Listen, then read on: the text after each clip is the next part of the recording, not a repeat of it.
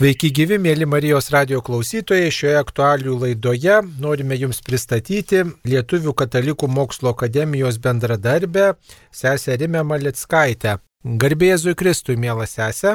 Per amžius, per amžius, kunigai ir visi klausytojai.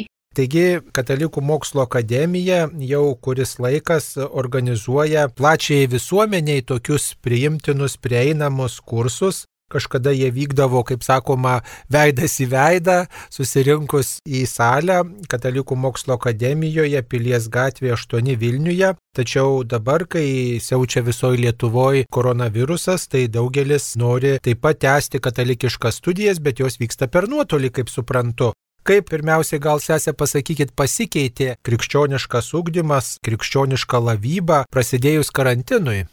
Na, pirmiausiai galbūt apie džiugius dalykus, apie tai, kad su nuotoliniu ūkdymu iš tiesų galėjom išsiplėsti geografiškai. Nes anksčiau būdavo vis kokių nors labai gražių žmonių, kurie stengdavosi į mūsų kursus atvažiuoti. Iš tiesų realiai fiziškai dalyvauti kursuose, bet be abejo, kad atvažiuoti iš Panevežio, Šiaulių arba net iš Palangos tikrai kiekvieną savaitę užima ir daug laiko ir varginantis užsiemimas yra. Tai šiais metais, kai pradėjome nuotolinius mokymus, mūsų geografija tikrai labai labai išsiplėtė ir pasidarė įmanoma, kad mūsų kursų klausytųsi ne tik žmonės iš Vilniaus ir iš Vilniaus apylinkių, bet iš visos Lietuvos ir ne tik, nes taip pat mūsų klausosi ir užsienyje esantys žmonės, gyvenantys ten lietuviai, be abejo visi, kurie alkani, kurie trokšta to mokymo, to žodžio gyvo, gali dabar, na, taip, tokiu patogiu būdu dalyvauti mūsų kursuose. Tai šia prasme tikrai labai gražiai tas ūkdymas išsiplėtė. Kitas dalykas, kad taip pat galim pasikviesti dėstytojus iš bet kur, ar ne, gali dėstytojas, ne, nesvarbu, kad jisai gyvena Romoje arba, arba kažkur kitur, Lietuvoje, netgi ne Vilniuje, galbūt kokioj nors Marijampoliai arba, arba Telšiuose, bet mes galime jį tikrai pasikviesti ir iš tiesų duoti tą patį kokybiškiausią turinį, kokį tik tai įmanoma. Tai šia prasme tikrai labai džiugus tas nuotolinis mokymas, nepaisant to, kad kartai žmonės gal ir pavargę jaučiasi nuo kompiuterio šiais metais, bet tikimės, kad privalumai yra didesni negu, negu praradimai kažkokie. Turbūt anksčiau jūsų klausytojai buvo tokie vyresni žmonės, kurie nori tikrai gilinti tikėjimą ir e, matyti, išgirdėti tuos akademinius žmonės, tokius, kurie štai turi akademinius laipsnius. O kaip yra dabar, ar ta auditorija yra panaši kaip ir ankstesniais laikais, nes paprastai ta reikalauja tas nuotolinis dalyvavimas paskaitose kompiuterinio raštingumo, ar ir dabar vyresni žmonės štai šitą būdą įsisavino? Iš tiesų, šitas klausimas pradedant nuotolinį ūkdymą buvo labai svarbus. Mes galvojam, ar mūsų klausytojai bus pajėgus, ar jų technika galės pakelti tokius krūvius bet labai gražu, nes tie vyresni žmonės iš tiesų nėra kažkokie kompiuteriuose neraštingi. Be to tikrai buvo labai labai gražių pavyzdžių. Antai kalbu su viena moterim, kuri tikrai garbaus amžiaus ir, ir kažkaip tiesiog klausiau jos, ar jinai prisijungs prie kursų, ar, ar sugebės atsidaryti tas nuorodas, susinstaliuoti programėlę, įsidėkti. Ir jinai taip labai labai gražiai pasakė, sako, žinot, man bus proga pabendrauti su savo anūkais. Ir tiesiog, na taip gražu, nes iš tiesų mes, mes retai prašom pagalbos. Ir kai atsiranda e, pretekstas arba tokia priežastis, kuri mums labai svarbi, kaip antai mažosios akademijos kursai, Vat ir žmogus gavo progą dar ir kažkaip, na, pabendrauti kitokiu būdu su savo, su savo artimaisiais. Taip pat noriu pasakyti, kas man pačiai atrodo svarbu, kadangi kiekvienais metais mes darom tam tikras apžvalgas, pasižiūrime, kas yra mūsų klausytojai. Tai e, pasakyti, kad e, mūsų klausytojai yra tik vyresnio amžiaus, na, nebūtų visai tiesa, nes visada iki, nežinau, 12 procentų yra žmonių, kurie, na, yra maždaug apie 20 metų. O pagrindinė auditorija yra nuo 30 iki 60 metų. Tai šitie žmonės tikrai aš jų nepavadinčiau senais, jie yra jauni žmonės ir ta jau e, tokių labiau pagyvenusių, dar garbesnių žmonių dalis yra, na, netokia ir didelė kiekvienais metais, iš tiesų e, yra apie 20-30 procentų jeigu skaičiuojant per visus kursus. Tai, e, bet kita vertus, kažkaip vėlgi, va, tame klausime tarsi, tarsi slypėtų, kad kažkas yra geresnis, tarsi geriau būtų, jeigu tik jauni ateitų, bet aš tikrai taip nemanau, nes aš manau, kad tos žinios turi būti pasiekiamos kiekvienam žmogui, nepaisant jo amžiaus, nepaisant jo, nežinau, lyties, gyvenamos vietos, miestas ar kaimas. Tikrai, man atrodo, kad Evangelijoje, na, mūsų tie skirstimai turėtų sutirpti ir kiekvienas turi būti labai labai brangus. Na tiesiog mes vadovaujamės tokiais stereotipais, kad štai bažnyčioje dažniausiai vyresni žmonės, tai taip jau tokias dažnai darom prielaidas, kad ir kitais šaltiniais tikėjimų domisi vyresni žmonės, bet čia turbūt mitas, va ir jūs tą mitą gražiai išsklaidot, kad štai prie kompiuterio ekranų per nuotolinį tą ryšį jungiasi net ir jaunesni žmonės, kuriems rūpi tikėjimas. O beje, e, kodėl štai žmonėms reikėtų jungtis e, ir domėtis katalikų mokslo mokslo akademijos organizuojamais kursais gal pakanka kokią knygą paskaityti, gal pakanka nu, apsilankyti bažnyčioje retkarčiais, maldą sukalbėti, kodėl dar reikėtų išklausyti ir mm, tam tikrų dėstytojų paskaitų, minčių, įžvalgų. Mhm. Na, pirmiausiai, man atrodo, mūsų klausytojai, kurie ateina klausytis mūsų paskaitų, jie turi troškimą jeigu to troškimo nėra, tai nagi tikrai išganimas nepriklauso nuo, nuo to, kiek paskaitų mažojoje akademijoje kažkas išklausys. Bet tiesiog, jeigu žmogus turi troškimą, jisai ieško, trokšta kažką sužinoti apie savo tikėjimą, jaučia nepakankamas žinias, na tai man atrodo, kad mažoji akademija tikrai yra labai gera vieta. Dabar tiesiog galbūt pasidalinsiu keletų minčių, kurios man tikrai labai labai įstrigo, kadangi aš pati skaitau tas anketas registracijos ir ten, ten žmonės truputėlį na, pateikia ke keletą minčių apie tai, kodėl jie tuos kursus renkasi. Tai, na, viena iš dažniausių priežasčių apie tai yra tokia, kad, sako, mes tikime, bet nežinome, kuo tikime žinome labai apčiopom dalykus. Iš tiesų, e, na, tai, ką mes e, išmokom ruoždamiesi pirmąjį komunijai, kažkada, kai buvom penktoje ar šeštoje klasiai, tikrai nebepakanka, kai mes tampame brandus, kai mes tampame sąmoningi, kai mes galime apmastyti dalykus kai mes galime, na, bandyti suvokti priežastis, ieškoti loginių ryšių arba tiesiog, na, ieškoti santykio su Dievu kas tas Dievas yra. Tai va, tai e, kai pradeda kilti klausimai, juose, na, sužyba tas troškimas artimesnio santykio su Dievu, labiau jį pažinti, tada, man atrodo, žmonės ir ateina pas mus. Na, o kaip jūs parenkate štai dėstytojus ir tas temas, paskaitų temas, ar čia jie patys pasisiūlo, ar jūs tiesiog domitės e, viena ar kita tema ir tiesiog galvojat, kad gal tai ir klausytojams bus įdomu, o gal patys klausytojai siūlo vieną ar kitą temą? Būna labai įvairiai. Būna ir tokių klausytojų, kurie, na, iš tiesų priremia mane prie sienos ir sako, ar bus šitas dėstytojas kitą semestrą, labai prašome, kad būtų tas ir tas ir kad būtų tokia ir tokia tema. Būna ir taip, tačiau, na, kai kūrė, kai buvo kuriama šita akademija, na, buvo sudėlioti tam, tikri, tam tikros gairės E, kuo vadovaujantis, na, turėtų būti formuojamas kursų turinys. Tai be abejo, pirmiausiai na, buvo siūloma sutelkti dėmesį į šventą įraštą. Ir dėl to kiekvienais metais mes labai stengiamės, kad būtų bent po vieną, o dar geriau ir po du, ir po tris netgi kursus, e, kuriuose iš įvairių na, pozicijų, įvairiais žvilgsniais būtų aptariamas šventasis raštas.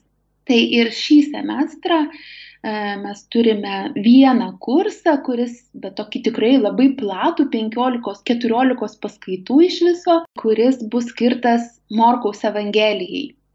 Tai tikrai e, klausytojai, manau, galės, na, giliai susipažinti, tikrai nepaviršutiniškai per, perbėgti Evangelijos eilutėmis, bet tikrai labai labai giliai susipažinti su Evangelisto Morkaus užmoju ką jis norėjo pasakyti tą Evangeliją. O kodėl būtent evangelisto Morkaus, ar čia pasiūlė pats prelegentas, ar tiesiog, na, kaip kitaip? E, na, pasiūlė pats prelegentas, iš tiesų čia kunigo Mozės iniciatyva e, šita tema yra, tačiau, na, gan logiška yra, nes šiaip ar taip Evangelija pagal Morkų yra tokia trumpiausia, paprasčiausia, na, Evangelijų korpuse jinai nėra pirmoji, bet, bet vis tiek jinai yra tikrai, na, amžiumi tokia irgi seniausia, galima sakyti. Tai man atrodo, kad na be abejo labai skirtingos būna priežastys kodėl vienas ar kitas tekstas šventojo rašto išnyra ir tarsi po tokiu padidinamuoju stiklu atsigula ir, ir būna nagrinėjamas, bet, bet galiu pasakyti, kad nuo 11 metų, kai veikia mažoji akademija, tikrai neliko tikriausiai nei vienas švento rašto tekstas, nei viena knyga neapžvelgta, nepaliesta, nepakedenta. Na, e, Evangelija pagal Morkų trumpiausia ir tiesiog sako, kad pristato visas kitas Evangelijas. Štai, o kokie yra kiti kursai, kuriuos jūs siūlote šį e, semestrą, šį na, va, pavasario semestrą, kuris dabar nuo sausio mėnesio paprastai prasideda visose aukštosiuose mokyklose ir taip pat Lietuvių katalikų mokslo akademijoje. Mhm.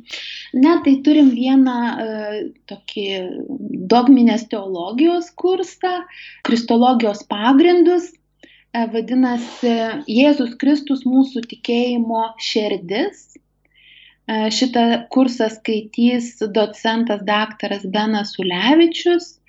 E, tikriausiai žinote, jisai yra Kauno teologijos fakulteto dekanas iš tiesų atrodo savaime suprantama mes nueinam į bažnyčią matom kryžių matom e, matom nukryžiuotąjį ant kryžiaus ir tarsi va tas mūsų tikėjimas tikėjimas kaip ir aiškus kad e, vienas e, švenčiausios trejybės asmuo yra Jėzus Kristus. Tačiau jeigu pradedam na kažkaip truputėlį plačiau mąstyti ir žiūrėti, tai tikrai kyla labai daug klausimų. O kodėl, o kas, o kaip, o, o, o kaip jisai čia vienėsmi su tėvu, ar ne, o kaip jis nužengė į pragarus, o kaip jisai įžengė į dangų, o, o jisai, nežinau, kalbėjo kaip nors ten, nežinau, um, indiškai arba kiniškai, o kodėl jisai nekalbėjo, nes jisgi buvo Dievas, ar ne, mes galim turėti įvairių įvairiausių klausimų apie Jėzų Kristų ir galime stumti tuos klausimus ir galvoti, kad, na, gal dar nelaikas, gal, gal čia kitą kartą, o gal čia kvaila šito klausti. Tai va šitame kurse visi tie klausimai, kurie šiaip labai natūraliai subyra, na, bus pakelti ir juos ieškoma atsakymų.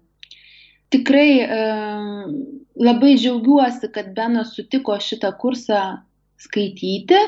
E, jis vis skaitydavo pas mus tai priešokiais, kadangi iš Kauno būdavo sunkiau atvažiuoti, tai paimdavo keletą dogmų ir turėdavom tokius trumpus kursus, o dabar turėsim tokį visuminį e, labai gražų kursą apie Jėzų Kristų. Iš tiesų jis yra mūsų tikėjimo širdis. Taip pat, na, turėsim vieną kursą apie kūno teologiją, E, bažnyčios mokymo pristatymas, konkrečiai šventojo popiežiaus Jono Pauliaus antrojo e, mąstymo toks išskleidimas ir susipažinimas su juo. Vėlgi, e, na, bent jau aš tikrai sutinku kartais tokių nuomonių, kad tas kūnas nieko nevertas, e, bet popiežius Jonas Paulius II visai kitaip žiūrėjo e, į žmogaus kūną, kuris buvo vertas, kad į jį įsikūnytų viešpats. Mes kartais tuos dalykus pamirštame ir, ir žiūrime į savo kūną kaip į kliūtį, bet, bet jame yra, na, ta dvasia, siela, kuri, kuri kažkaip ten veikia. Tai va, tai kažkaip, kad mes vėl visai kitaip pažvelgtume ir į savo kūną, į savo kūniškumą, į savo lytiškumą, galbūt irgi, kas tikrai labai labai svarbu, į meilę, jos raišką santuokoje, e, santokinius ryšius. E, na, manau, kad šitas kursas vat, bus labai labai gera dirba šitoms mintims, mąstymams išaknyti, naujai permastyti ir galbūt tikrai ką nors atrasti mūsų klausytojams.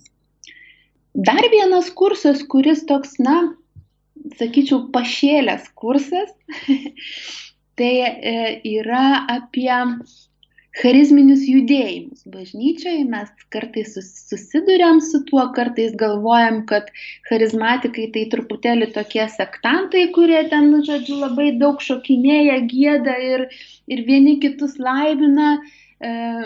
Bet iš tiesų tas visas charizminis judėjimas labai gražiai atskleidžia tai, kad tikrai Dievas visada jaunas ir bažnyčia visada jauna ir dėl to jinai nuolat kūrė kažkokias formas, kuriomis, na, kuriomis atsilieptų į, į tą pažadintų žmogaus širdį. Tai šitą kursą skaitys kunigas Andrius Končius, kuris Mm, kuris dabar kaip tik e, šitą temą rašo disertaciją e, Romoje studijuodamas ir tikrai turi labai įdomios medžiagos, kai mes pradėjom su juo susirašinėti, kalbėtis tą temą, man pačiai labai labai labai patiko tos mintis jo ir, ir tikrai e, tikiuosi, kad bus įdomu taip pat ir mūsų klausytojams. Ne viską pristačiau, bet čia gal visko nežinau ir nereikia, nes labai daug. reikėtų pristatyti ir kitas temas, kurios dar yra kitos, dar yra likusios. Tai yra apie stresą viena tema, kaip matau čia planelyje. Ir taip pat dar viena tema yra apie pratybas. Taip, stresas, aišku, šiandien kaip tik skaičiau vienos klausytojos registravimosi anketoj, kodėl jinai registruojasi į šitą kursą. Jinai parašė taip, Stresas valdo visą mano gyvenimą, bet turėtų būti atvirkščiai. Mano gyvenimas turėtų valdyti stresą, aš turėčiau valdyti stresą. Tai iš tiesų jau čia ne pirmas kursas, kurį mūsų akademijoje dėstys profesorius Danielius Sarapinas.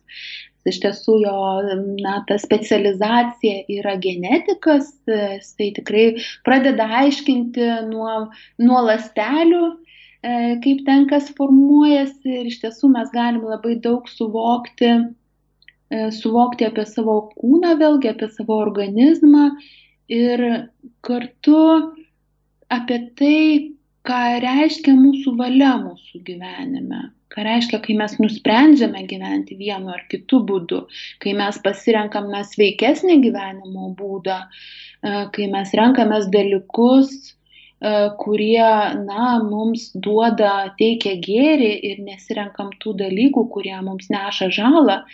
Na, tikrai labai tie kursai būna Iš tiesų tai e, paprastai būna, bent jau kai būdavo salėje, tai būdavo pilna salė, labai daug klausytojų ir, ir kažkaip, na, tokia labai draugiška atmosfera, kur galbūt mes ten nekalbam apie, labai daug apie tikėjimą nekalbama, nors paprastai truputėlį pakalbama apie tikėjimo naudą ir, na, žmogaus gyvenimui, e, tačiau būna tikrai tokia labai krikščioniška bendrystės nuotaika, labai, labai gražu būna.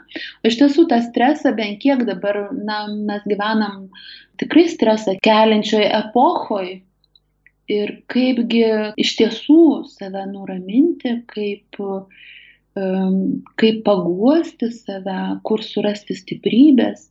Man atrodo, kad šitas kursas labai laiku. Taip, ir e, aišku, visi norėsim streso išvengti ir suvaldyti į savo gyvenime. Ir dar vienas kursas, kurį norėtume pristatyti, tai pratybos. Ką apie tas pratybas galėtumėt pasakyti? Na, visi akademiniai mokslai dažniausiai būna tokie teoriniai, o pratybos, man atrodo, yra praktika. Nuo šito semestro mes pradėsim mažasias pratybas, tai irgi ignaciško tipo pratybos 15 savaičių. Kiekvienas žmogus, kuris dalyvaus šitose pratybose, gaus medžiagą maldai, užduotis kiekvienai dienai. Malda yra su šventuoju raštu, bet na, būna tokie įvadai, palydėjimai e, į tą maldą.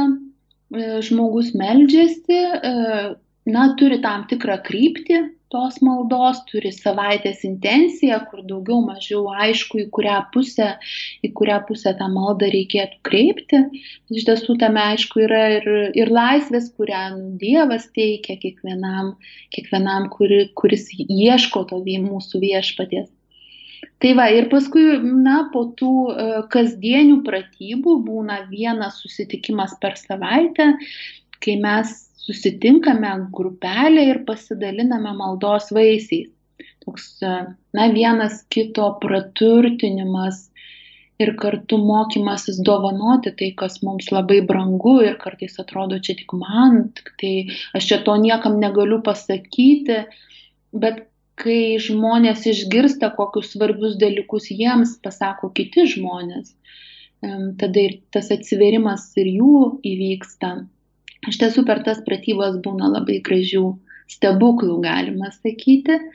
Tai va, tai 15 savaičių neilgai palyginti, nes e, tikriausiai, tikriausiai žinot, kad e, ignaciškos pratybos tikrai yra labai ilgos, kad normaliai, na, jeigu laikantis paties e, šventojo Ignaco modelio, tai mažiausiai mėnesių reikėtų, bet taip, na, nuo ryto iki vakaro ir net atsikeliant kartais naktį daryti kokią nors pratybą, o čia yra išskirstyta po vieną pratybą per dieną, maždaug pusvalandis ar 45 minutės maldos ir, ir tada tas susitikimas.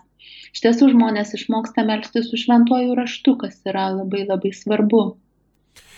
Paprastai tas pasidalinimas būdavo veidas į veidą grupelėje, pavyzdžiui, rekolekcijų metu, kokio vienuolynė ar bendruomenė ir matai kitą žmogų, tiesiog jauti jo artumą ir tada tas toks dalinimasis tarsi intimesnis, e, jaukus toks, draugiškas ir e, taip toks, na, tikrai pasitikėjimo pilnas, nes pasitikė kitų žmogumi, jeigu savo asmenius išgyvenimus pasakoji. O štai kaip va, pasidalinimas tas vyksta, kai mes dabar per nuotolį bendraujame? Mm. Na taip, čia yra toks barjeras, kurį reikia peržengti. E, kai kam tai yra išbandymas ir, ir kai kurie žmonės nusprendžia pratybas atidėti. Atidėti iki tų normalių laikų, normalių, kai jie galės susitikti gyvai dalintis arba, arba daug dažnesnė priežastis, kai bus daugiau laiko. Bet laiko niekada nebus daugiau, laiko mes neturim stebuklingos lasdelės, kad to laiko padaugintume. Visi turime laiko tiek, kiek turime - 24 valandas per parą. E, ir jeigu pradedam ieškoti, kada čia įkišti tą papildomą veiklą, e, dar pusvalandį, iš kur, iš kur gauti dar pusvalandį, kai ir šiaip trūksta to laiko. Tai su laiku yra toks, na, paprastas labai manevras laiko mes neieškome, o skiriame ir skiriame laiką tiems dalykams, kurie mums atrodo prioritetai. E, tai va tokiu būdu pratyboms galima e, to laiko kažkaip, na, sugeneruoti savo dienoje. O dabar dėl pasidalinimo, dėl tų nuotolinių pasidalinimų, aišku, mes vis tiek susitinkame ir grupelė mato vieni kitus. Tai nėra tas pats, kas sėdėti, na, toje pačioje patalpoje ir galbūt, na, tikrai atėjus ir pasisveikinti, ir pasijuokti, ir pasidalinti, gal net ir apsikabinti, nes tikrai žmonės labai susidraugauja per tas pratybas, jie daug laiko praleidžia kartu ir dalinasi tikrai savo atvirą širdim, kas šiaip jau mūsų gyvenime tikrai labai reta. Tačiau net ir dalinantis nuotoliniu būdu yra ta atvira širdis. Žmogus gali atsiverti, gali papasakoti ir būti išgirstas. Tas santykis yra kitoks, nes įsiterpia technologijos, tačiau negalim sakyti, kad jis yra na, visiškai paralyžiuotas. Jis tikrai yra. Ir man labai gražu, nes praėjusiais metais, kai prasidėjo pirmasis karantinas, dar truputį prieš tai, mes irgi keliavome su viena grupe, e, irgi ignaciškos pratybos buvo, e, bet staiga, na, turėjo viskas nutrūkti. Tada reikėjo susidėlioti dalykus ir nusprendėm, kad vis dėlto perkelsime į nuotolinį, nuotolinį bendravimą tuos savo susitikimus, bet vis tiek juos darysime. Ir nepaisant nieko, e, tie žmonės, kurie keliavo iki galo kelionę, tikrai labai, labai susidraugavo ir, ir praktiškai mes dabar netgi vos ne gal ne kas mėnesį, bet gal kas porą mėnesių susitinkame irgi nuotoliniu būdu, bet tai visai, visai nekliudo, nekliudo jų bendrystiai. Aš manau, kad kai, kai jau bus galimybės, tie žmonės tikrai norės susitikti ir gyvai, bet dabar yra kaip yra ir kai kuriems galbūt net patogiau tokiu būdu susitikti. Na, minėjote apie tai, kad žmonės registruodamiesi į šiuos kursus e, nurodo, dėl kurios priežasties e, jie tą daro, kodėl jie štai nori lankyti e, nuotoliniu būdu dalyvauti viename ar kitame kurse. Galbūt galima na, apžvelgti tas priežastis, kodėl žmonės dalyvauja ir ką jie ten parašo, kokia, kokia ta priežastis, kuris skatina jiem skirti laiką štai tokių kursų klausimui. Na, pirmiausiai, tai aišku, žinių troškimas, žinoti dalykus. Kartais mes nežinom labai paprastų dalykų ir darom juos mechaniškai ir tada jie tokie nuprasmėja, netenka tarsi prasmės mums. Nežinau, nu, bet pavyzdžiui, kodėl reikia bažnyčioje vienur atsiklaupti, kitur nusilenkti, o, o trečiur persižegnot. Kodėl? Na, arba kodėl tariame tuo momentu tam tikrus žodžius liturgijoje, turiu galvoj. Arba e, kodėl e, mišių skaitiniuose e, visada būna Evangelija, o, o ten kažko ten nebūna, ar ne? Arba va, tie klausimai, kuriuos jau išvardėjau, jie tikrai yra labai svarbus. Kiekvienam žmogui ir kai, kai mes tikrai keliaujam tikėjimo keliu, kai tampame sąmoningi, mes esame įpareigoti tų atsakymų ieškoti, kad būtume pirmiausiai sąžiningi patys su savim, kad nebūtume lengvabūdžiai su tuo, ko trokšta mūsų širdis. Tai čia pirma priežastis. E, žinių troškimas norint sustiprinti savo tikėjimą, norint labiau atsistoti ant tikėjimo pagrindo, taip tvirčiau atsistoti, abiem kojom atsistoti. Ir tikrai tas žinojimas padeda.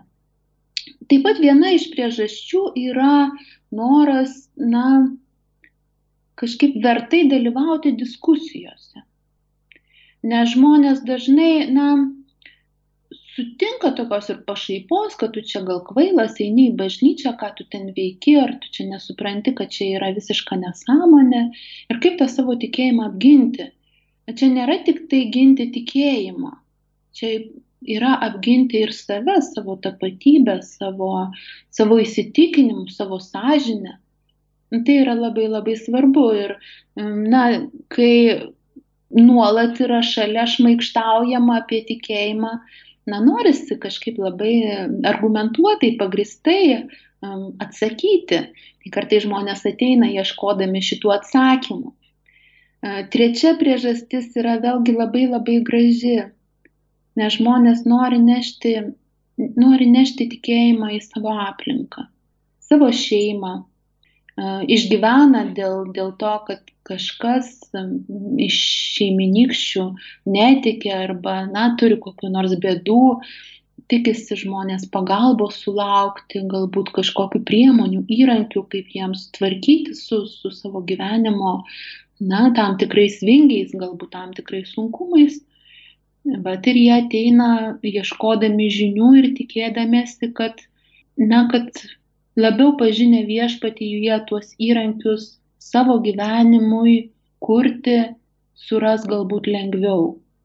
Ir aš tikrai tikiu, kad žmonės randa pastiprinimą šituose kursuose, taip pat randa ir bendrystę čia dar viena priežastis, kur taip atrodo, kad tik tai saliai, kai jau susirenkam fiziškai, kad e, ten galim bendrauti vieni su kitais, susipažinti, ieškoti panašių į save, kas tikrai labai svarbu - surasti panašių į save, surasti bendraminčių. Būdavo labai gražu stebėti, kaip po truputį prasidėjus kursams formuojasi, na, tam tikros kompanijos, draugų rateliai, O kartais būdavo, kad išeinu iš darbo ir matau, kad e, kavinukiai greta sėdi, kas nors išėję iš kursų, jau, na, jau platesnis ratelis ir jie diskutuoja apie tai, ką išgirdo tos dienos paskaitoj. Tikrai labai džiugina tokie dalykai. Bet dabar, kai yra nuotolinis, atrodo, tarsi tai jau sunkiau yra įmanoma, bet vis tiek labai gražu, kai žmonės, na, jie jungiasi truputėlį anksčiau, ten 15 minučių iki paskaitos pradžios ir jie ir pasidalina, ir kaip gyvena, ir, ir vieni kitiems pasimojuoja. Tikrai nu, ta bendrystė, na, žmogus iš tiesų yra kaip augalėlis, jisai jisai auks bet kokiomis sąlygomis. Ir, o ta bendrystė yra mūsų labai didelis troškimas. Tai net ir kompiuteriai nesumaišo tai bendrystiai. Na, jūs e, kaip kursų organizatorė dalyvaujate turbūt praktiškai visose paskaitose, tai turėtumėte sukaupus būti didžiulį žinių bagažą, patirčių bagažą. E, na, tikrai turbūt ir jūsų gyvenimą keičia va, tas lankymasis paskaitose gyvai, buvimas kaip darbe, bet turbūt klausote tų paskaitų kaip, kaip ir tikinti žmogus, kaip, kaip e, krikščionė, klausotės ir, ir plečiat savo akiratį. Kaip jūsų gyvenime, na štai tos įgytos žinios pasitarnavo jums? Mhm. Aš galvoju, kad, na aišku, mes galim galvoti apie tai, kiek mes čia kitiems daug darome, e, kiek mes čia ko sukūrėm, kiek čia kokie paslaugus esame, bet apie mažąją akademiją tai aš galvoju, kad tai pirmiausia yra malonė man. Tikrai yra malonė man. Ir ta mažoji akademija atsiradusi iš tokios Dievo meilės savo vaikučiams. Ir nu, pirmas iš vaikučių tai aš esu, aišku, nes tikrai labai labai turtina, labai turtina. Ir, ir ne tik tos žinios, bet ir kiekvienas žmogus, kurį, kurį galima susitikti vienokiu ar kitokiu būdu, ar, ar tiesiogiai, ar nuotoliniu būdu kiekvienas susitikimas mus turtina, mus atveria labiau vienus kitiems. Tai yra be galo, be galo svarbu. Dėl žinių, taip, aš klausausi ir kartais, kartais būdavo taip, kad jau klausausi ir ne pirmą kartą tą kursą, bet vis tiek, na, kažkaip tai yra nuostabu, nes, nes tikrai e, visą laiką būna kas nors naujo. Visada, e, net jeigu atrodo kažką jau žinai, staiga pamatai, kad gali, na, dar kažką sužinoti arba kad ne taip jau viską ir žinai. Tai va tai kažkaip tie kursai man dar plus yra galbūt ir tokia ir nuolankumo mokykla, kad mes visko nežinome, mes visko nežinom ir galim tik bendrai kartu, kartu keliauti kai buvome studentai ir dalyvavom universitetų gyvenime, paskaitose, tai sėdėdavom su e, sasiuviniais, su lapais ir užsirašinėdavom visus profesoriaus žodžius, dėstytojo žodžius, nes reikėdavo atsiskaityti, būdavo egzaminai, įskaitos, e, seminarai ir tikrai reikėdavo e, na, daug išmanyti ir, ir taip kaupti žinias užsirašant, nes tokiu būdu to žinios mumyse pasilieka ir tokiu būdu prieš pat egzaminą dar gali paskaityti per naktį ar kada iš tų lapų. O a, jūsų klausytojai ar ko, konspektuoja, norėjau sakyti, kompostuoja tas gytas žinias, tai kas sakoma, a, ar tiesiog klausosi ir tiek? E, labai įvairiai būna. Kai kurie užsirašo, veda užrašus. Aš pati, kai klausausi paskaitos, man, man pačiai yra tiesiog įprasta ir svarbu kažką užsirašyti. Aš tiesiog taip geriau įsimenu. Bet yra žmonių, kuriems nereikia to. E, atsimenu vieną vyrą, kuris lankė gal ne pirmuosius šešerius metus jis niekada nieko nekonspektuodavo, bet jeigu jo ko nors paklausdavau, jis viską prisimindavo. Nu, tai buvo labai labai nuostabu, nes tiesą pasakius kartais galėdavo įtarti, kad jis miega per tą paskaitą, nes tiesiog sėdi taip ramiai, ramiai. Bet iš tiesų jisai turėjo, na, va, tokią unikalią atmintį, viską įsimindavo. E, įvairiai būna, iš tiesų. E, viena, kas kas yra tikrai labai gerai mažojo akademijoje, kad nereikia egzaminų laikyti, nereikia įskaitų laikyti. Galbūt čia kažkam atrodo, kad na, va, tai nebėra progos pasimokyti, bet yra labai gražu, kai mm, tarkim, mes susitinkam po vasaros atostogų su klausytojais ir ten kokia nors moteris sako, o aš vasarą skaičiau užrašus. Nebuvo paskaitų, bet skaičiau užrašus. Buvau išsitraukusi šių ir dar praėjusių ir dar praėjusių metų užrašus, nes tikrai labai norėjau tą ar tą prisiminti. Tai va, tai man atrodo, kad čia kiekvienas yra laisvas, kaip jisai nori dalyvauti, kiek jisai, na, kiek jam tai yra labai labai svarbu įsiminti. Galbūt kartais nėra pats svarbiausias na, dalykas įsiminti kiekvieną faktą, e, bet tiesiog pabūti, atsinaujinti, atšviežinti tas žinias, kažkokį įkvėpimą gauti, tai irgi yra labai svarbu mūsų tikinčių gyvenime. Na ir pabaigai pasakykite, kaip galėtume e, prisijungti štai prie tų klausytojų būrio, kad galėtume plėsti savo akiratį, ką reiktų daryti, nusiųsti e, savo duomenis ar, ar paskambinti kažkam. Mhm. E, na, visa registracija yra per internetinį puslapį Lietuvių katalikų mokslo akademijos. Tai pirmosios raidės LK ma.lt. Ten užėjęs susirasite mažosios akademijos skirelį ir tame skirelėje bus anketos, bus kursų aprašai, kursų laikai, visi dėstytojai surašyti, visa ta pati svarbiausia informacija. Tai va, tai ten, ten galima užsiregistruoti, užpildant anketą. O kada kursai prasideda, kiek mes turime laiko? Mhm. Registracija vyksta sausio mėnesį, kol yra vietų. Tai labai skatinčiau, kas, kas jau apsigalvojo, susiplanavo, tikrai paskubėti, nes kartais būna, na, tokie liūdni nuotikiai, kai tų vietų nebelieka. Bet internetu tai gal nuotoliniu būdu tas vietų skaičius nėra aktualus? yra aktualus. Deja, deja, jis dar yra aktualesnis negu salėje tiesiog, nes salėje galima atnešti ir pristatyti kėdę, o, o internete yra kaip yra, nes yra licencijos e, tų programų, platformų, kuriomis mes jungiamės.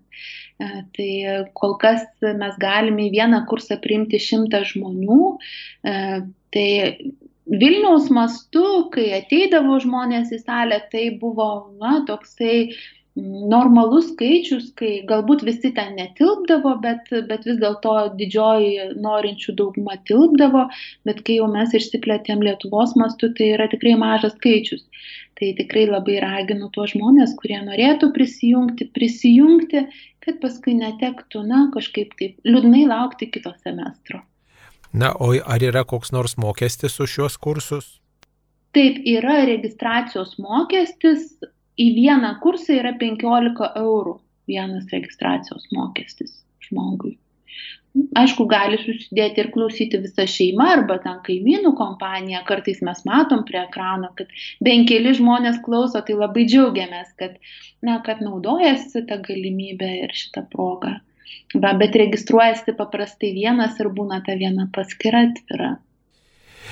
Taigi, mėly Marijos radio klausytojai, šioje laidoje pristatėme Lietuvos katalikų mokslo akademijos kursus, kurie prasideda jau šį semestrą. Registracija yra per visą sausio mėnesį. Registruotis galime įėję į internetinį Lietuvos katalikų mokslo akademijos puslapį lkma.lt ir ten rasime visą reikalingą informaciją ir kurso aprašymus ir e, kas tuos kursus ves ir kitas sąlygas, kuriomis mes galime dalyvauti Lietuvos katalikų mokslo akademijos veikloje ir tokiu būdu e, ugdyti savo krikščionišką tikėjimą. Šioje programoje dalyvavo sesuo Rima Malickaitė, mums pristatė štai ateinantį semestrą ir visus kursus. Ja kalbinau aš kunigas Saulis Bužauskas.